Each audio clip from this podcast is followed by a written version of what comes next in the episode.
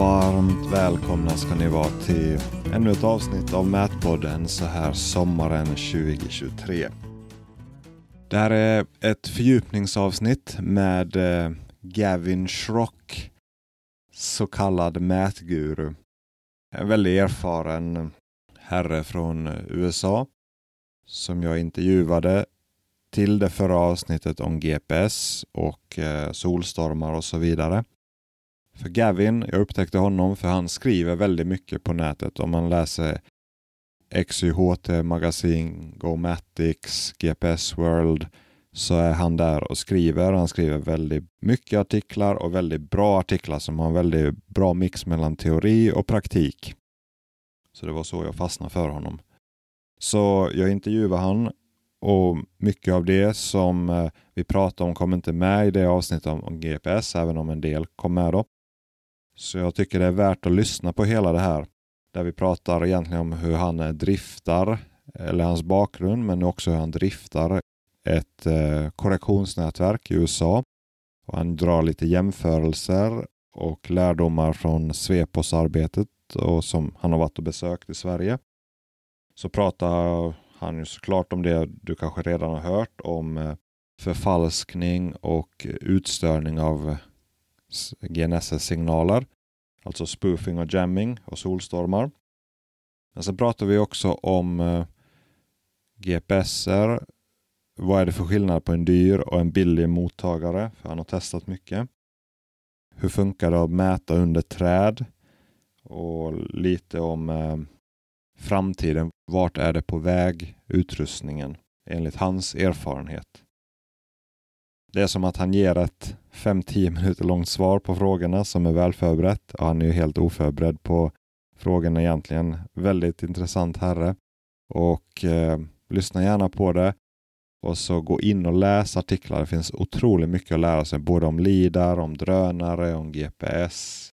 Om, eh, ja, om det ena och det andra egentligen. I de här artiklarna. Jag länkar till ställena han finns på. Och innan jag rullar det här avsnittet så vill jag ändå göra första reklamen för mig själv här då, på riktigt.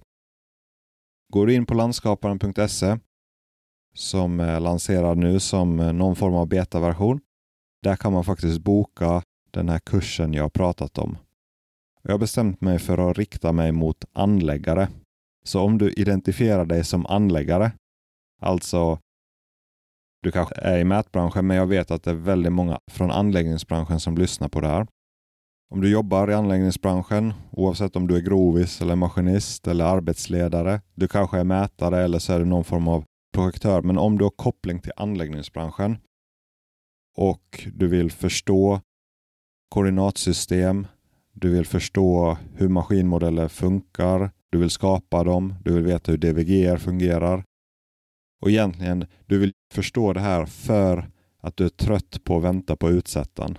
Du känner att ja, men jag borde kunna göra det där själv, i alla fall de enkla bitarna. Du kanske känner att eh, du får betala väldigt mycket för ett resultat som inte motsvarar dina förväntningar. Du känner att ja, men jag vet ju hur jag vill lägga till den där planen eller den här schakten, men jag kan inte uttrycka det själv i en modell. Ja, men då ska jag lära dig det. Och eh, det börjar med steg ett och jag kallar det här för enkla villan. Så att man lär sig de här grunderna. Jag har skapat som ett ramverk genom åren, alltså en process. Det är den jag kommer lära dig oavsett om det är det här första projektet eller enkla villan eller som det kommer komma en industrilokal eller den komplicerade byggplatsen. Så det man behöver göra är alltid ta reda på befintligheterna. Och Det betyder koordinatsystem, det betyder underlag, få in dem rätt, vrida in dem och så vidare. Sen behöver man ha någonting i plan. Man, ofta får man någonting platt eller så vet man att här ska vara ett hus, här ska vara en parkeringsyta, vad som helst. En väg. Men sen bör man höjdsätta det och så bör man göra det till en så kallad modell. En triangulerad 3D-yta. Och efter det så behöver man kunna ta ut volymer, jämföra det mot befintlig mark. Och så behöver man kunna redovisa den på olika sätt, vad som är lämpligt, antingen på ritning eller digitalt och så behöver man få ut det här i verkligheten. Så befintligheter, plan, höjd, modell, volym, redovisning och export. Det är någonting som du kontinuerligt gör som anläggningsmätare eller anläggningsmodellerare. Tycker du det är intressant, gå in och läs mer. Boka första kursen, så det är lite testmaterial. Du kommer få support utöver det vanliga. Man kommer också få tillgång till frågor och svar, rum som man kan ställa frågor om kring sina egna projekt eller när man fastnar i vidare i livet. Det erbjuder jag för ett år framöver om du bokar eller går en av mina kurser. Att man får som en kontorstid där man kan ställa frågor om vad som helst om sina egna grejer. Och kan jag svara och hjälpa till med det så hjälper jag dig. Så eh, landskaparen.se. Men nu till intervjun och eh, njut av Gavins underbara erfarenheter. Maybe you can just present yourself and your background, and that that would be a nice introduction to the topic, like your background in GNSS and even before GNSS. yeah, so I'm a, a licensed surveyor. I've been surveying since high school, summer work I lived in Australia at the time, West Australia, and it's a very active state for mining and other resources. So, a lot of need for surveyors. So, in high school, in summer work in the far north, conventional surveying, and uh, celestial surveying to support these mining operations. And one year, um, we were recruited from high school to use the early the early satellite navigation systems was known the United States Navy's transit system, which was purely Doppler. So it would take all day or several days to get a very precise position, which wasn't that precise, maybe 30 meters at best. But for those purposes, it was very useful.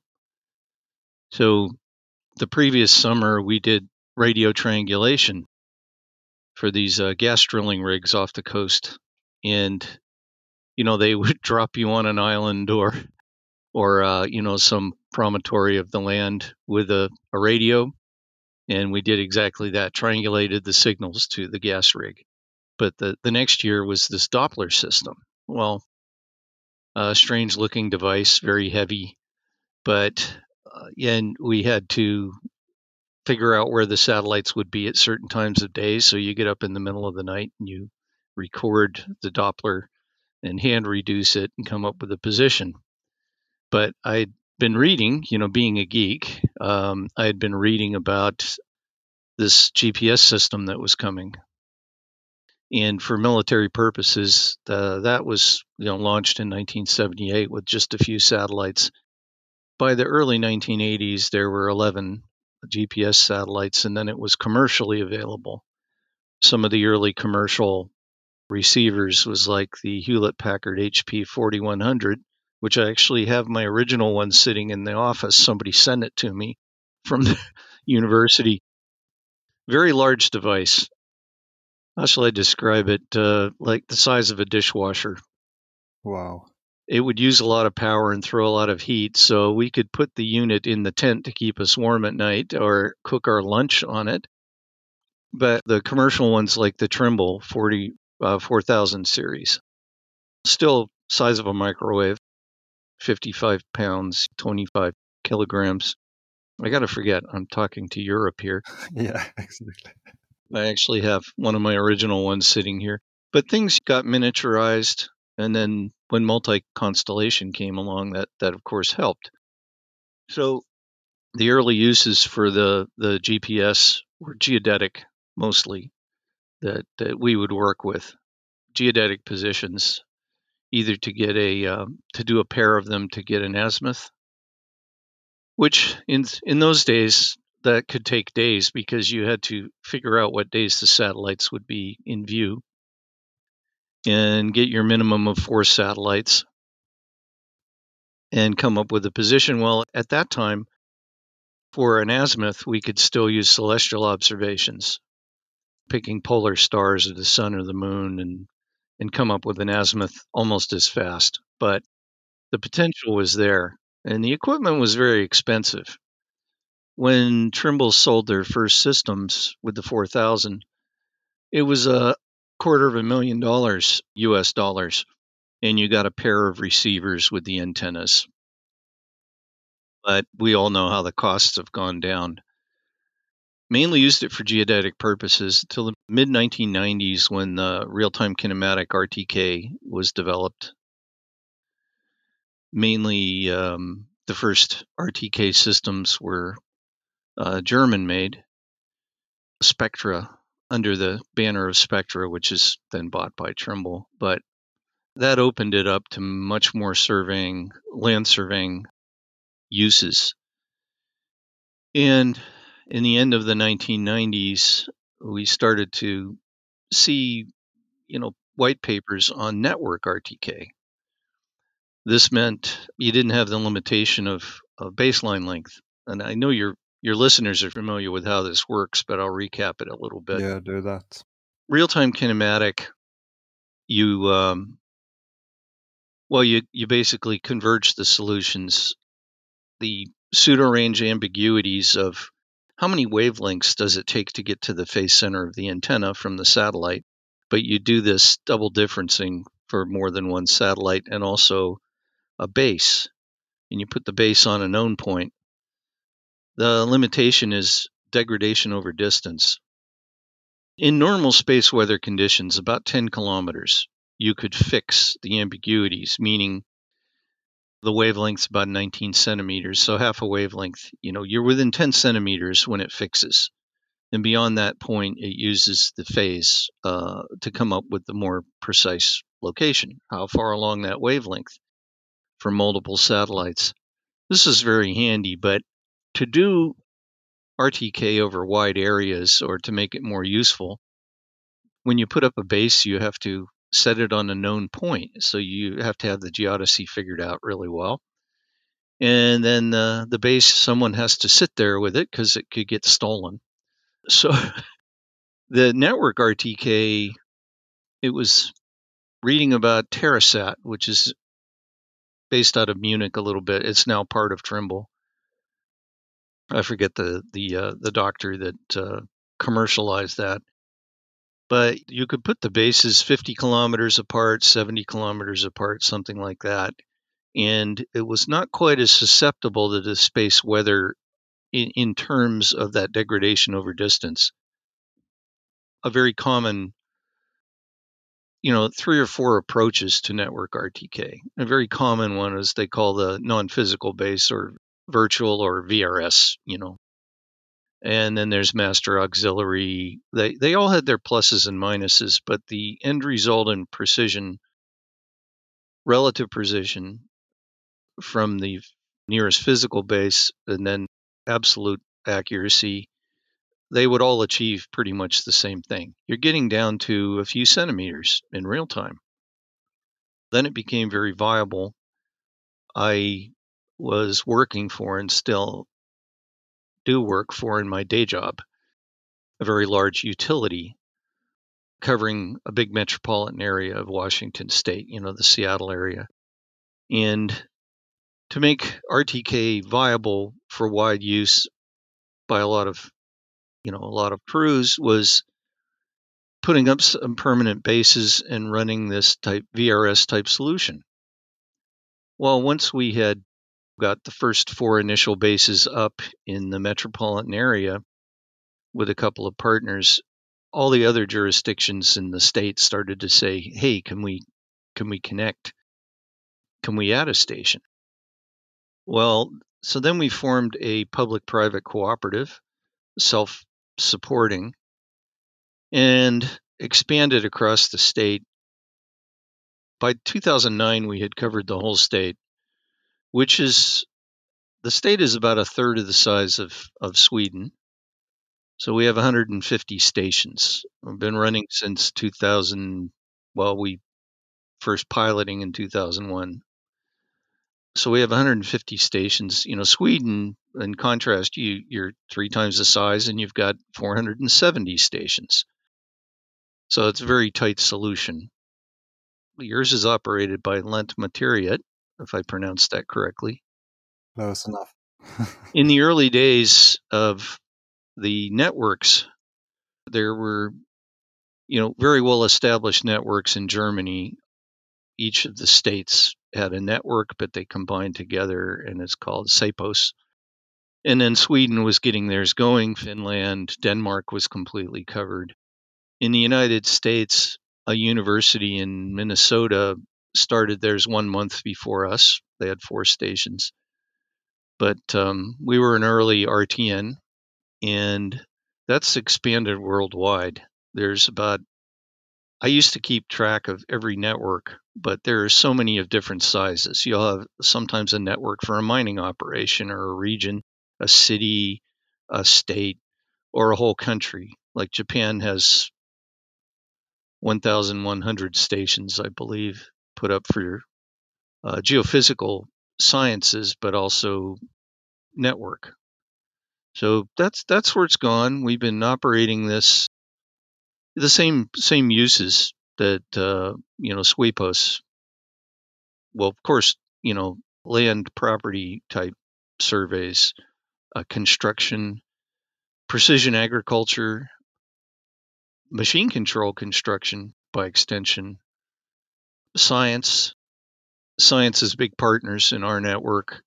We have uh, a lot of plate tectonic velocity and earthquake hazards. So they use all of our data to calculate the velocities, and some of the stations are in the state earthquake warning system co located with, with seismic equipment. And now we have all of these autonomous vehicle type systems. There's so many competing ones now that are going to compete for the autonomy the uh, like Sapcorda network, uh, which is u-blox now, the Trimble RTX, the various, there's three kinds under Hexagon, Veripos, Novatel, and then like a uh, SmartLink, I think they call it. So we have a, a lot of a lot of these autonomous vehicle development companies that will partner in on our network or lease data or use it directly as a subscriber or partner. So that's kind of where I'm at. I still do my surveying uh, in my day job, and about half of my time is to operate this network, which fortunately, with the softwares, a lot of it is automated. Just to give some color, what's involved in uh, maintaining or operating a a network like that. Like I have no clue. I'm just taking everything for granted, you know. So this is like opening the curtains for how it works. Well, you, you should visit Lent Materia in uh, Avle, Avle, Yavle. Yavle, yeah. Okay, that's an amazing operation. Out of the networks worldwide, you know, all us network operators kind of know each other and you know meet at conferences and that network is is uh, recognized as one of the most sophisticated. They're doing a lot more with it, and they have full-time research people researching things like, well, you know, interference uh, potential, geodetic uh, research to link with other applications. But operating the network, I found that most networks are, are very similar in this that there are like three operational levels. There's user ops, there's uh, network ops, and then there's uh, field ops. So going backwards from the field ops is just maintaining the sensors, building new ones, maintaining, upgrading stations. So I have to drive all over the state to like upgrade receivers or communications Usually it's uh, cellular broadband modems to get the data to the processing center. So our processing center is in Seattle, and we run redundant systems. Uh, in Sweden, it all goes to Gävle, to Lantmäteriet. So you take in the raw observations from the geodetic grade base stations, and you process that into network RTK, or the users can choose an individual station and do traditional RTK from that station. And you have to provide several different flavors of corrections. They all work very much the same, but because different ages of equipment, you know, field user might have a very old rover that can only do CMR or or older RTCM, and then you you put out um, you know the modern uh, corrections uh, RTCM 3.2 or 3.4 or MSM it's called multi-signal message for all the extra constellations. So the field ops is maintaining the equipment and and the communications and connectivity. The network operations is operating the network software. Now there are several kinds of network software out there. You know, Leica has Spider, uh, Trimble has what they call Pivot, which I believe is what's what's being used in Sweden. Topcon TopNet, CHC out of China. There's network software. They're all really good software. And over the 20 years, I've seen the level of automation get to the point where I, I don't have to intervene very much. in the the IT side of it, the servers, out of the network ops, it's more about babysitting those servers, maintaining their performance, uptime.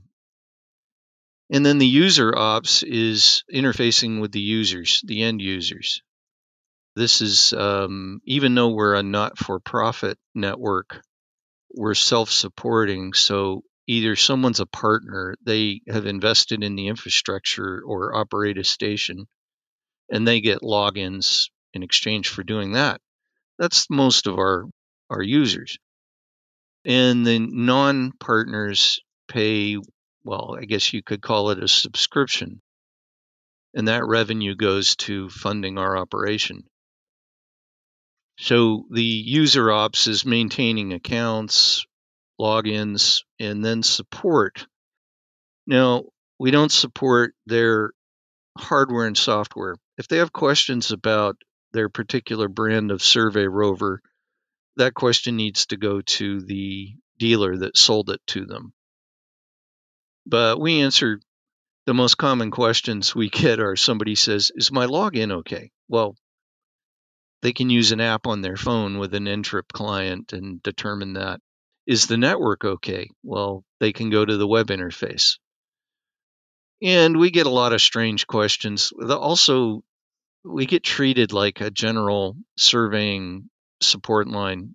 Someone will call up and ask me how to configure their total station. And I go, that has nothing to do with GNSS, but or how to install a game on their phone we get the questions about which dovetails into your topic. They they go, "Oh, they're jamming over in Eastern Europe. I mean, is that jamming us?" And I'm like, "No, um, that's kind of impossible." But we get those kind of questions, and we have ways to show them that they can check online all kinds of ways to prove that no, that's not really happening. Yes, that was a nice overview, and uh, that makes us a nice transition to the jamming topic. If we start with that, uh, like how how worried should one be for uh, the vulnerabilities of GNSS, and uh, what are realistic threats? Have we learned something from the wars that have been, and uh, like from the military side or uh, jamming side uh, of things? Well, you know, jamming is real and it happens every day typically on the battleground. There's all kinds of ways that interference can happen, although they are often overstated.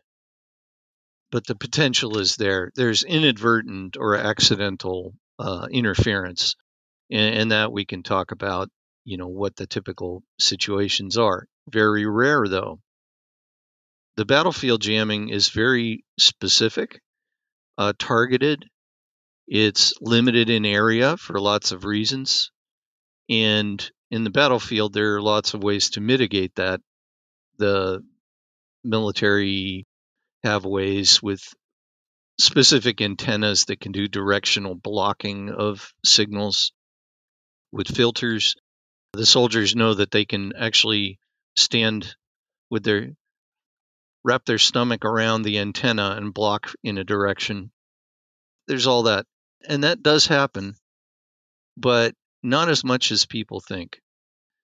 There's a great website that's called uh, gpsjam.org where you can see hotspots around the world where there's you know jamming going on on on a regular basis and that is very limited and going in even further it may only be a few miles where they have a you know tactical reason why they might jam so it's not that widespread before I go into that topical jamming, uh, I'll talk about the inadvertent interference.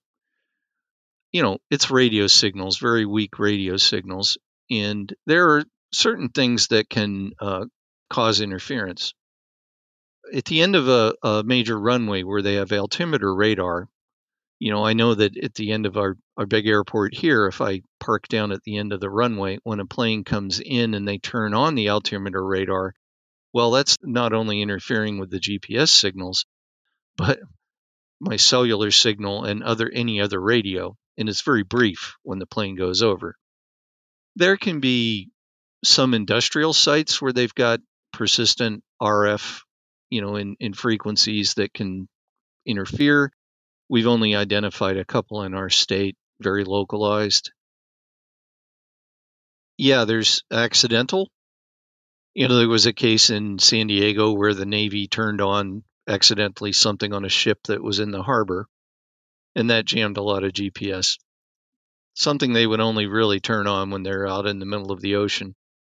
Another case where a small television station, they wired the antenna bad.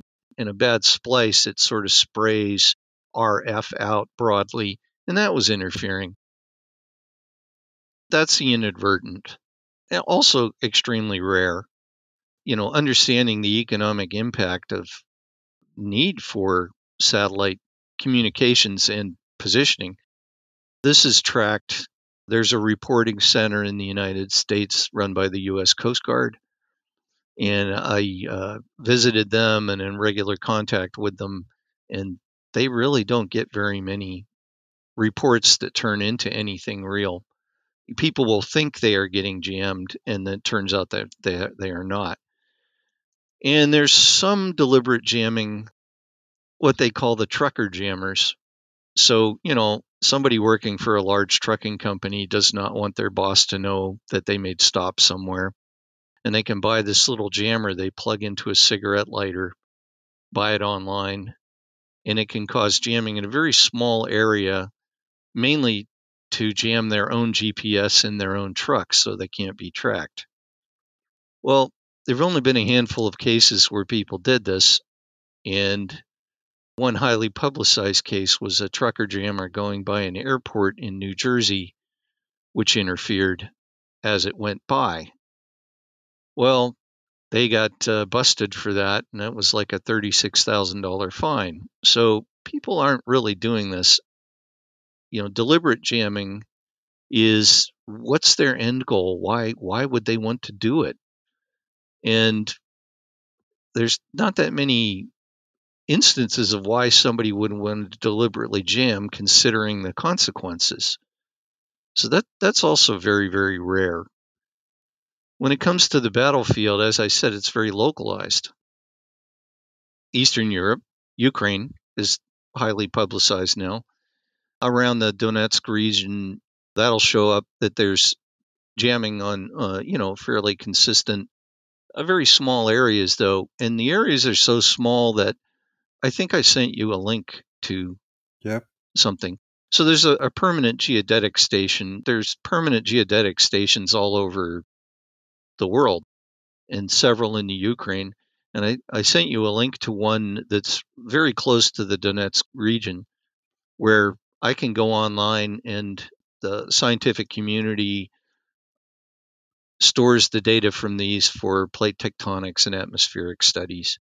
And I can go on any day and get data from it, analyze the data, and it's very clean. Uh, I think you could see from the graphs and what I, the link I sent you. Yeah, I had a look and I'll make sure I'll attach it to the episode link as well. Yeah, and um, what it shows is that, yeah, right next door is all of this military activity going on, but it's not affecting that station. So the the perception that people get that you know the jamming that is going on in, in Eastern Europe and the Middle East, you know, around Syria, that that affects them in Sweden or the United States is no, that's just not possible. There was all the fear about that Russia or or whoever might want to destroy the GPS satellites that would be an act of war that would have bigger repercussions than just what's happening with us in the field. And also, there's multiple constellations.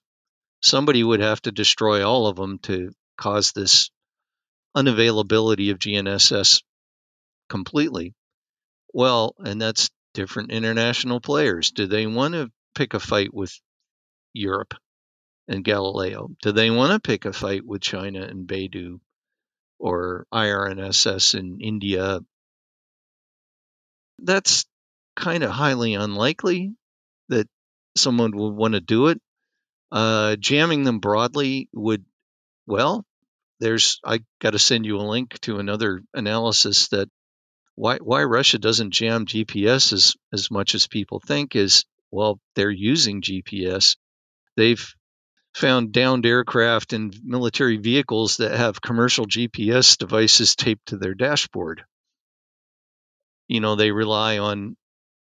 They need it as well, basically. yeah, they need it as well. You know, soldiers, uh, you know, in many militaries around the world are buying commercial units because they're really good and cheap and available. And the military supply line and quality is not always up to scratch. So yeah, no one wants to shoot their own foot.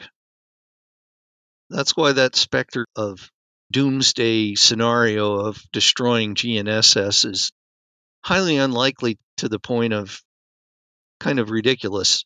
But these are vulnerabilities, and our reliance on these is is very very high. Well, that's also a reason why there's the there's the technical factor, but the human factor, and the human factor is human activity relies on it so much, nobody wants to screw up their own usage. So that makes sense. That avenue is probably quite unlikely. If that would happen, it would be like a major global act of war and or like like nuclear escalation or something in that more like in a grand scale of things like it would be a conflict of bigger scale world scale, and then there's other problems in that case. yeah, it, it's like solar activity, which does affect. If it was a big enough solar event that it it crippled GNSS, well, that would be the least of our worries. It would be crippling so many other aspects of our wired society, communications, electrical grids. Yeah, so so let's talk about that a little bit because I read a, a report of uh, was it the UK that had a report that about the impact of uh, GNSS going down and uh, possible causes, and the solar storm were identified as one possible cause that uh, GNSS could be going down for a few days or five days or something like that. What's your thinking of that? Or like what what's the background? Like what how realistic are solar storms and their impact? Like let's say i've been reading about this carrington event in 1859 that was the strongest solar storm that we have recorded in modern day and uh, then there was the quebec storm in uh, with a, took down the electrical net like what what would happen with the gnss systems today if something like that would happen? Yeah, no, that that's very real. The solar activities, you know, the coronal mass ejections and you know the solar flares. In the time we've been running our network, there've only been five days in 20 years where somebody might not want to use GNSS. It was just the quality got bad. It didn't knock it out completely. Those events that you talked about, it would not only be GNSS, it would be other things, our cellular communications, electrical grids. That's bigger worries. But we haven't had one of those in, in modern times that affected very broad areas. That's just a reality that there's always that specter that that could happen. What would we do if we were down for a few days? Now, the solar max, the solar cycles, we've been through a couple of those already. And during the solar cycles, well, the GNSS satellites themselves are very hardened and they have mitigation measures. They're going to keep working, but the signal on the ground that could be affected. Most networks we we monitor the ionospheric activity, you know, whether it's heightened to the point, and the user can look at a simple graph and go, okay, today maybe I want to use my total station. Like I said, that's only been five days the mitigating for that in a network solution, it can model out a lot of that very well. If somebody is doing single base, that degradation over baseline length from the base would just get shorter and shorter. You know, the 10 kilometer nice day range is, is very good. No one can really predict when these would happen very well. I see warnings every day from different space centers around the world saying, "Oh, coronal mass ejection, solar storm." For the scientific community, that they're much more sensitive to what that might mean for their work with their other satellites, weather satellites, other communications, very sensitive sensors for different purposes. But I see those warnings and I look at our graphs and I go, oh, it's heightened, but it's not in the in the danger range. And typically, I never hear anything from the end users or our own monitoring equipment. I can look at data from other networks or the scientific, you know, there's like three or 4,000 permanent stations in the United States that we can look at data. And so far, maybe we've been lucky, but um, there a solar storm warning comes in we don't really see any effect. It maybe it takes someone a little longer to uh, fix their solution. Maybe their quality drops a little bit, but I don't know. Maybe I'm too optimistic. But for the most part, unless there's one of those massive events that's going to affect everybody and everything, no, it's not a huge worry. Uh, like for the the surveyors in the field. If there would be a bigger case, like what are like suitable mitigations? Because it's a low risk, let's say it's a low risk event, but a high impact, or low probability event, but more high impact. Like, how would you start thinking about, like, if you running a bigger company and uh, you're responsible for that work goes on like is it do you like would estimate it as a such a small probability or like ah the day it happens it's everybody it's like a natural like a, a big storm like everything in the society goes like into uh nobody expects normal service if something that like that would happen. Or is it something that you need to prepare? Like i'm, I'm thinking like should you put controls on construction site regardless? Should you have like total stations in like excess capacity or like extra so so you can actually use total stations if you're usually you just using GNSS. Like what's what's responsible level of preparedness? Uh, putting local control is an essential practice anyhow. Even if you're using GNSS, you want to be able to check in to calibrate things like that. So typical operations, they're I mean, there's some people that just use the GNSS for everything and rely on it, which is not a good practice for other other purposes, you know, their own quality control. Construction sites will have local control. And then surveyors doing property property surveying. They're kind of using it in a relative manner anyhow. It's the relative uh, positions of those boundary markers or boundaries from each other that's more important than the absolute position. So, you know, okay, big solar storm can't use the GNSS today. Work in a purely relative mode with the total station. And then later you could go back and put your geodetic positions on on some of that control. That's it. It's you just gotta, you know, just gotta be prepared for the the worst. People are gonna lose more days of work for weather events, storms, than they are space weather. And because GNSS can't do everything, there are so many activities that have terrestrial alternatives in their uh, toolbox, toolkit. They have the total station, they have the scanners. Falling back to that, yeah, there's going to be people running around throwing their hands in the air going, oh my God, what the hell do I do? But most are just going to go, oh, okay. All right, well, let's pull out the total station and, you know, shoot that and then this will this will pass. Definitely, you do want to put local project control, no matter what you're doing. Yeah, it's to calibrate to that locally, where where those those relative distances and positions in whatever you're doing is more important than anything. Hmm. Absolutely, I agree.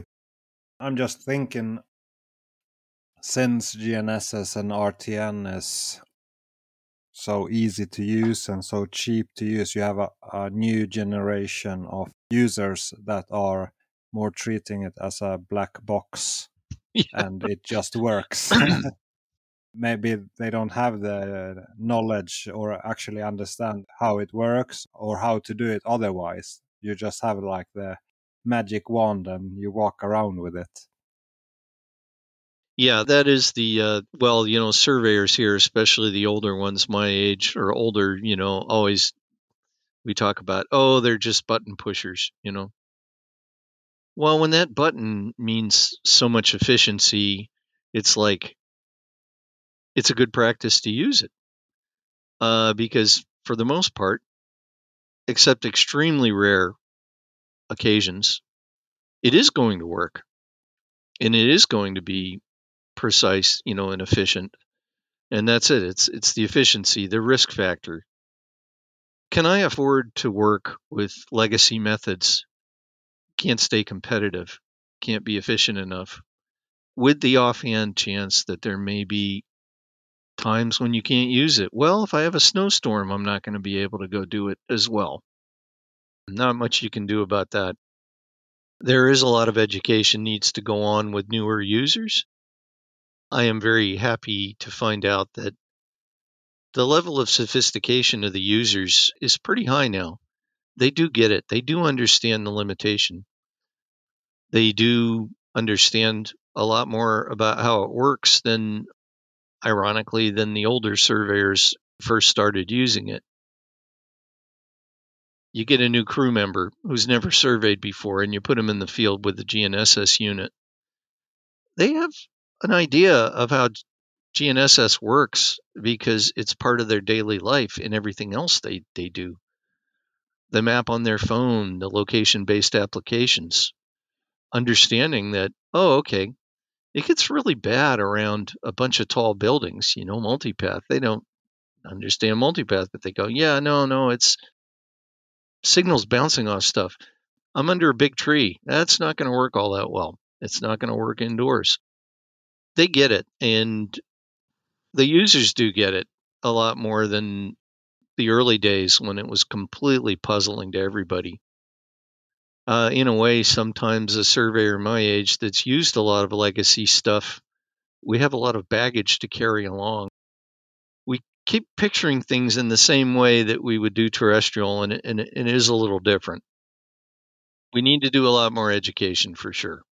but that was a really nice point that uh, yeah everybody uses their smartphone and you have a sense that okay i might be on the wrong side of the road or here it doesn't work and uh, that's true so you have like a most people have a sense of how it works because they it is a part of the daily life even if it's not that accurate as survey grade but the same principle applies is there anything else about GNSS vulnerabilities that you you've been thinking about, or like um, like what's possible mitigations, or uh, or any thoughts you have about uh, GNSS vulnerabilities? Well, you know the the drive for alternatives is a high priority in different countries. You know the uh, you know agencies that represent uh, large concerns, uh, departments of transportation. They're doing a lot of research on alternatives or mitigation or reliability uh, measures, especially, you know, with the autonomous vehicle stuff coming. It's not going to come as fast as some people would like. You know, a total free for all on the highways where you self driving, that's going to take a while. Uh, there's a lot that needs to go on the vehicle to vehicle stuff, driver assistance, but then vehicle V to X, V to everything else, you know, like beacons uh, or alert systems about, oh, okay, yeah, my car can my car can navigate a lane very well using many other sensors besides GNSS. But what if it's a construction site and they move that lane temporarily? You have to notify people. But alternatives for navigation, you know, there's a UK, a US, and other countries uh, want to boost up other other things like the eLORAN. You know, LORAN has been around a long time for navigation, but the eLORAN they want to do this more modernized version. Well, that's signal based. That would also be susceptible to a solar storm. That's great. Uh, ground based uh, positioning systems, you know, beacons, a lot of work going on in doing those where you have transmitters on towers around a city with atomic clocks in them and you do ranging that way. Well, that's signal based as well. Pretty much any navigation and positioning system that can work in a wide area for mass applications is some kind of signal. A lot of work going into low Earth orbit satellites for positioning and navigation at the LEO? Well, there's advantages. The LEO signals are stronger, you know, they're lower orbit. You can get ge- geometry advantages, you get signal strength advantages, harder to jam, susceptible to solar storms, absolutely. And LEO satellites, well, the other thing about those is they're low orbit and they don't stay up there that long. You have to replace them frequently. You know, people have these visions of they go, oh, there's all these low Earth orbit communication satellites like the Starlink or something like that. And it's like, no, even those providers aren't really promoting positioning from it because communication satellite, well, and they're very small and have a power budget issue and to do positioning with them, you need to dedicate hardware on them. So you can't just go, oh my God, there's 700 of these communication satellites. Let's do positioning from them. Well, okay, you could do Doppler. You can do primitive ranging. It's not very precise. There are outfits like Xona Space that are going to put up LEO dedicated for positioning but that's the package in it is specifically for positioning. So this provides you some alternatives, but then again, you're back to signal based. Really, how shall I say, blue sky mad scientist type thinking that the quantum sensing could provide advantages. Quantum navigation device, which is inertial using subatomic particles, behaviors. There's some promise there. It won't be super precise, but that would be independent of any of the signal ranging. Then again, high uh, electromagnetic disturbance could could hurt that. A couple days ago, I was at the JPL NASA, so I was interviewing some some of the people there about the quantum sensing for gravity meters for clocks and for the navigation. And it was really fascinating, but they're a long way from something small enough, smaller than a backpack. But there's potential there. That would be independent of the signal in space type situations. But we're quite a ways from it. Yeah, laser based. Then you're kind of limited to EDM line of sight. So you're back to your total station. So there's no magic uh, magic bullet that I can find, and I look all the time on the horizon. GNSS is there. It does have vulnerabilities, not as likely as some people would like to think. And then, of course, there's money to be made scaring people about it, trying to sell them all kinds of alternatives. But because it is so widely used globally by so many people and the economics uh, that relies on it, that actually becomes a strength against a lot of the potential risks. It is a fantastic system, and uh, when you read about it, how much time and thought and uh, resources go about to keep everything maintained, and it's a robust system, surprisingly so. surprisingly, yeah, yeah, it is. It didn't used to be. It got so much more reliable now. Hmm. If we leave the GNSS vulnerabilities, I was just uh, if we can talk a few minutes about uh, the quality of the new low let's call them low cost receivers i know you've written a few some articles about it and uh, tested but you know it's here if you go to any trade show you have uh, seven or eight manufacturers or resellers selling GNSS rovers, and uh, sometimes it feels that like the only price difference is price, or actually, or rather, you don't know what's the difference. You can see the price difference, and there's color differences, but what is there to say about the quality differences and uh, accuracy differences, and uh, like how, how should a common survey or a common man like evaluate uh, different options? Like you have the Leica and Trimble uh, more, most expensive variants to Emlids and uh, very low cost, like 10, 15 times lower cost receivers. And uh, if you read the specs, it's almost the same. Yeah, uh, it's great that there's so much more variety now and so many more options. And it, it is possible to build a very inexpensive GNSS receiver now to some degree, the signal is just the signal. And what you do with it, you can do with, you can limit costs by very small, inexpensive chips. The uh, push for consumer and prosumer level uses, particularly like on drones, people make very small chipset. And for the autonomous systems and Internet of Things type applications, robotics, location based services, the chip can be very inexpensive. And there, I got to be careful not to talk about brand because I write about stuff and I got to not make any judgment.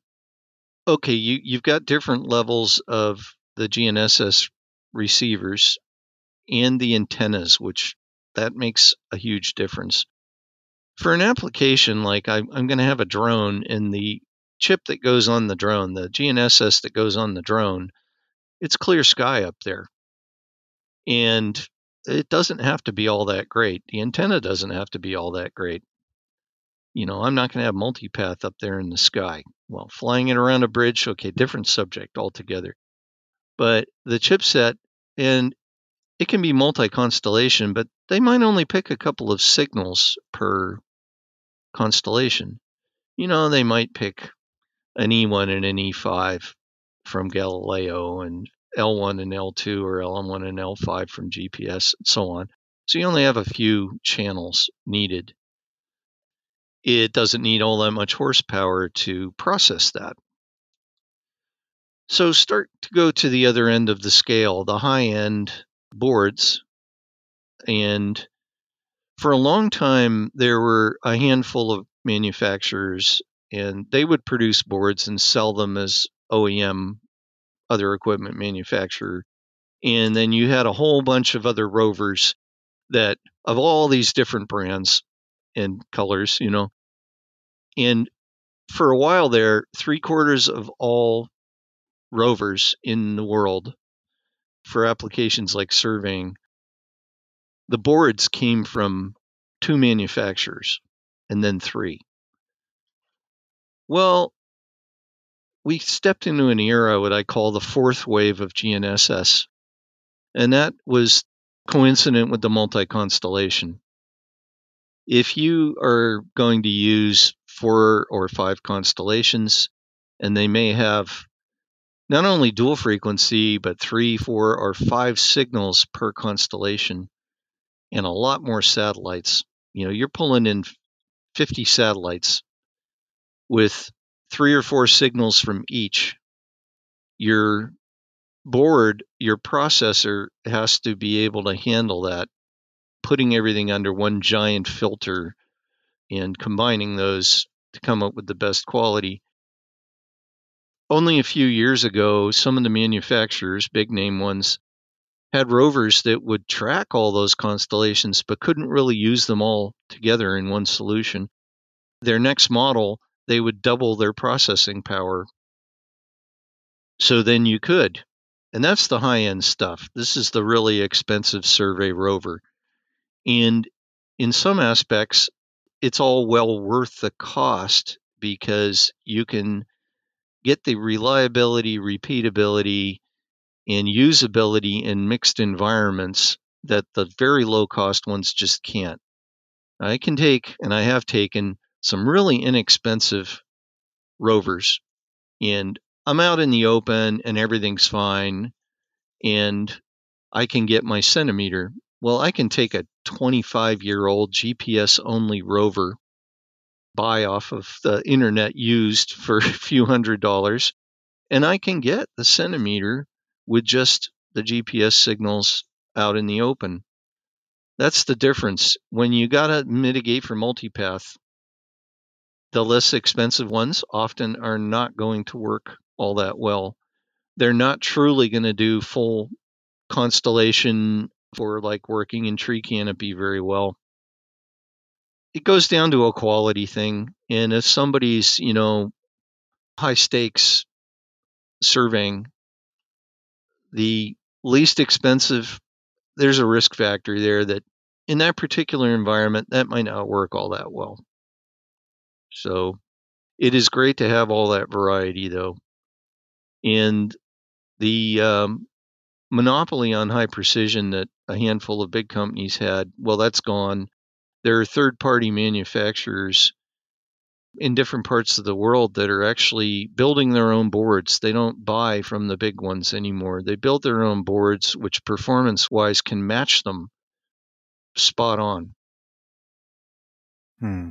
It's really fascinating uh, development. How well, uh, like you can see, uh, ads about this works really well on the canopy, best on the canopy, and so on. How good can you expect it to be with a canopy cover? Because I, I can see that on my rover, if I go with a new rover under a canopy, you can kind of get a good, or the coordinate quality values are quite good. But like when I compare the data, it uh, fluctuates more. Like when you and the coordinate quality number would imply. The best in canopy is kind of humorous. Always claiming we're the best in canopy. Well, the canopy is the canopy. No matter what you've got, you are going to have limitations. You're going to have less consistent. So, from our end users and from I did a lot of independent testing for uh, different outfits and out of my own curiosity is there's no magic bullet. Nobody has the magic bullet. In general, the higher quality of the GNSS unit, receiver, antenna, and how they process it will get you better performance.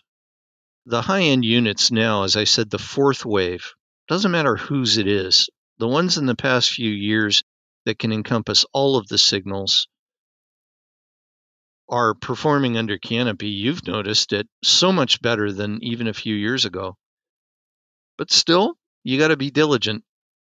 You're surveying under canopy. You got to, everything is suspect. Depends on the canopy, too.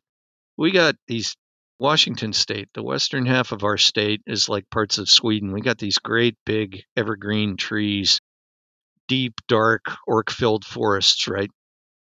Almost nothing's going to work in that. You can mitigate by getting the antenna up higher. It's really fascinating study that Japan did. Two universities did a study for their forestry industry, and I talked to the uh, the folks that did it, and they said, you know, it was really funny that just raising that rod another couple of meters made all the world a difference in what they could do in the thick canopy. The newer RTK engines that put everything under one giant filter and can pick the best of those signals from all of the ones getting through the trees. Improvements. For instance, the signals themselves. In Galileo, you have the E5A, E5B that can be processed, the AltBOC, they call it. That is a great multipath mitigator, which helps you in the trees. So the new gear with all the signals and a hell of a big processor, we're seeing usability in a lot of Canopy, but not all of it. And then your base has to support those signals as well. People buy a new rover and use their old rover as a base, but it doesn't support all the signals. That's a common one I get with the end users. Uh, another angle to this, no pun intended, the uh, inertial units, like in the tilt compensation, no calibration tilt compensation.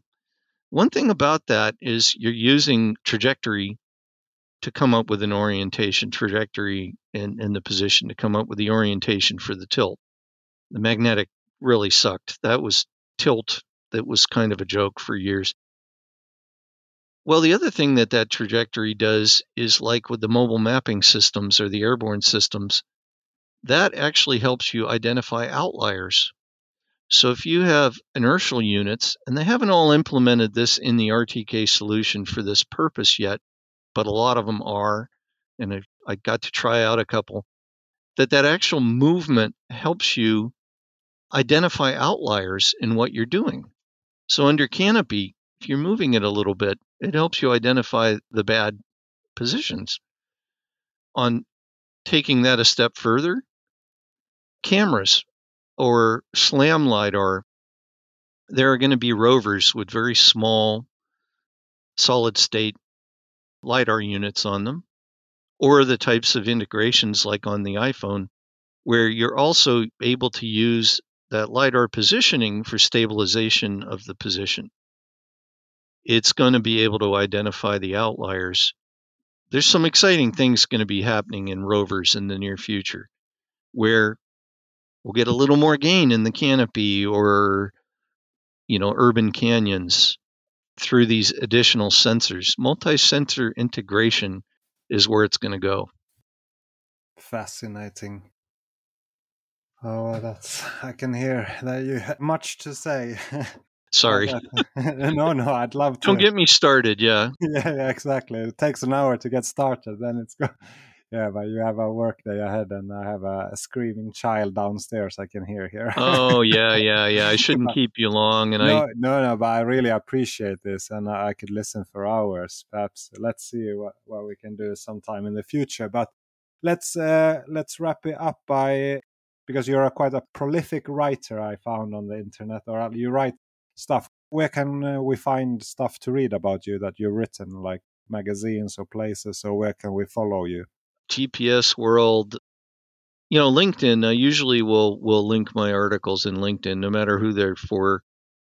It's funny, I got started in writing. I didn't start it until about 25 years ago, but I started in writing because I had a project that had questionable funding, you know, and I thought, you know, a big glossy article about it. And then the funders go, oh, they feel part of it, you know. So there's gschrock.com. I put my writing samples, but LinkedIn, find me on LinkedIn and, and then I link mine and other people's articles that are relevant to surveyors and our, our technology.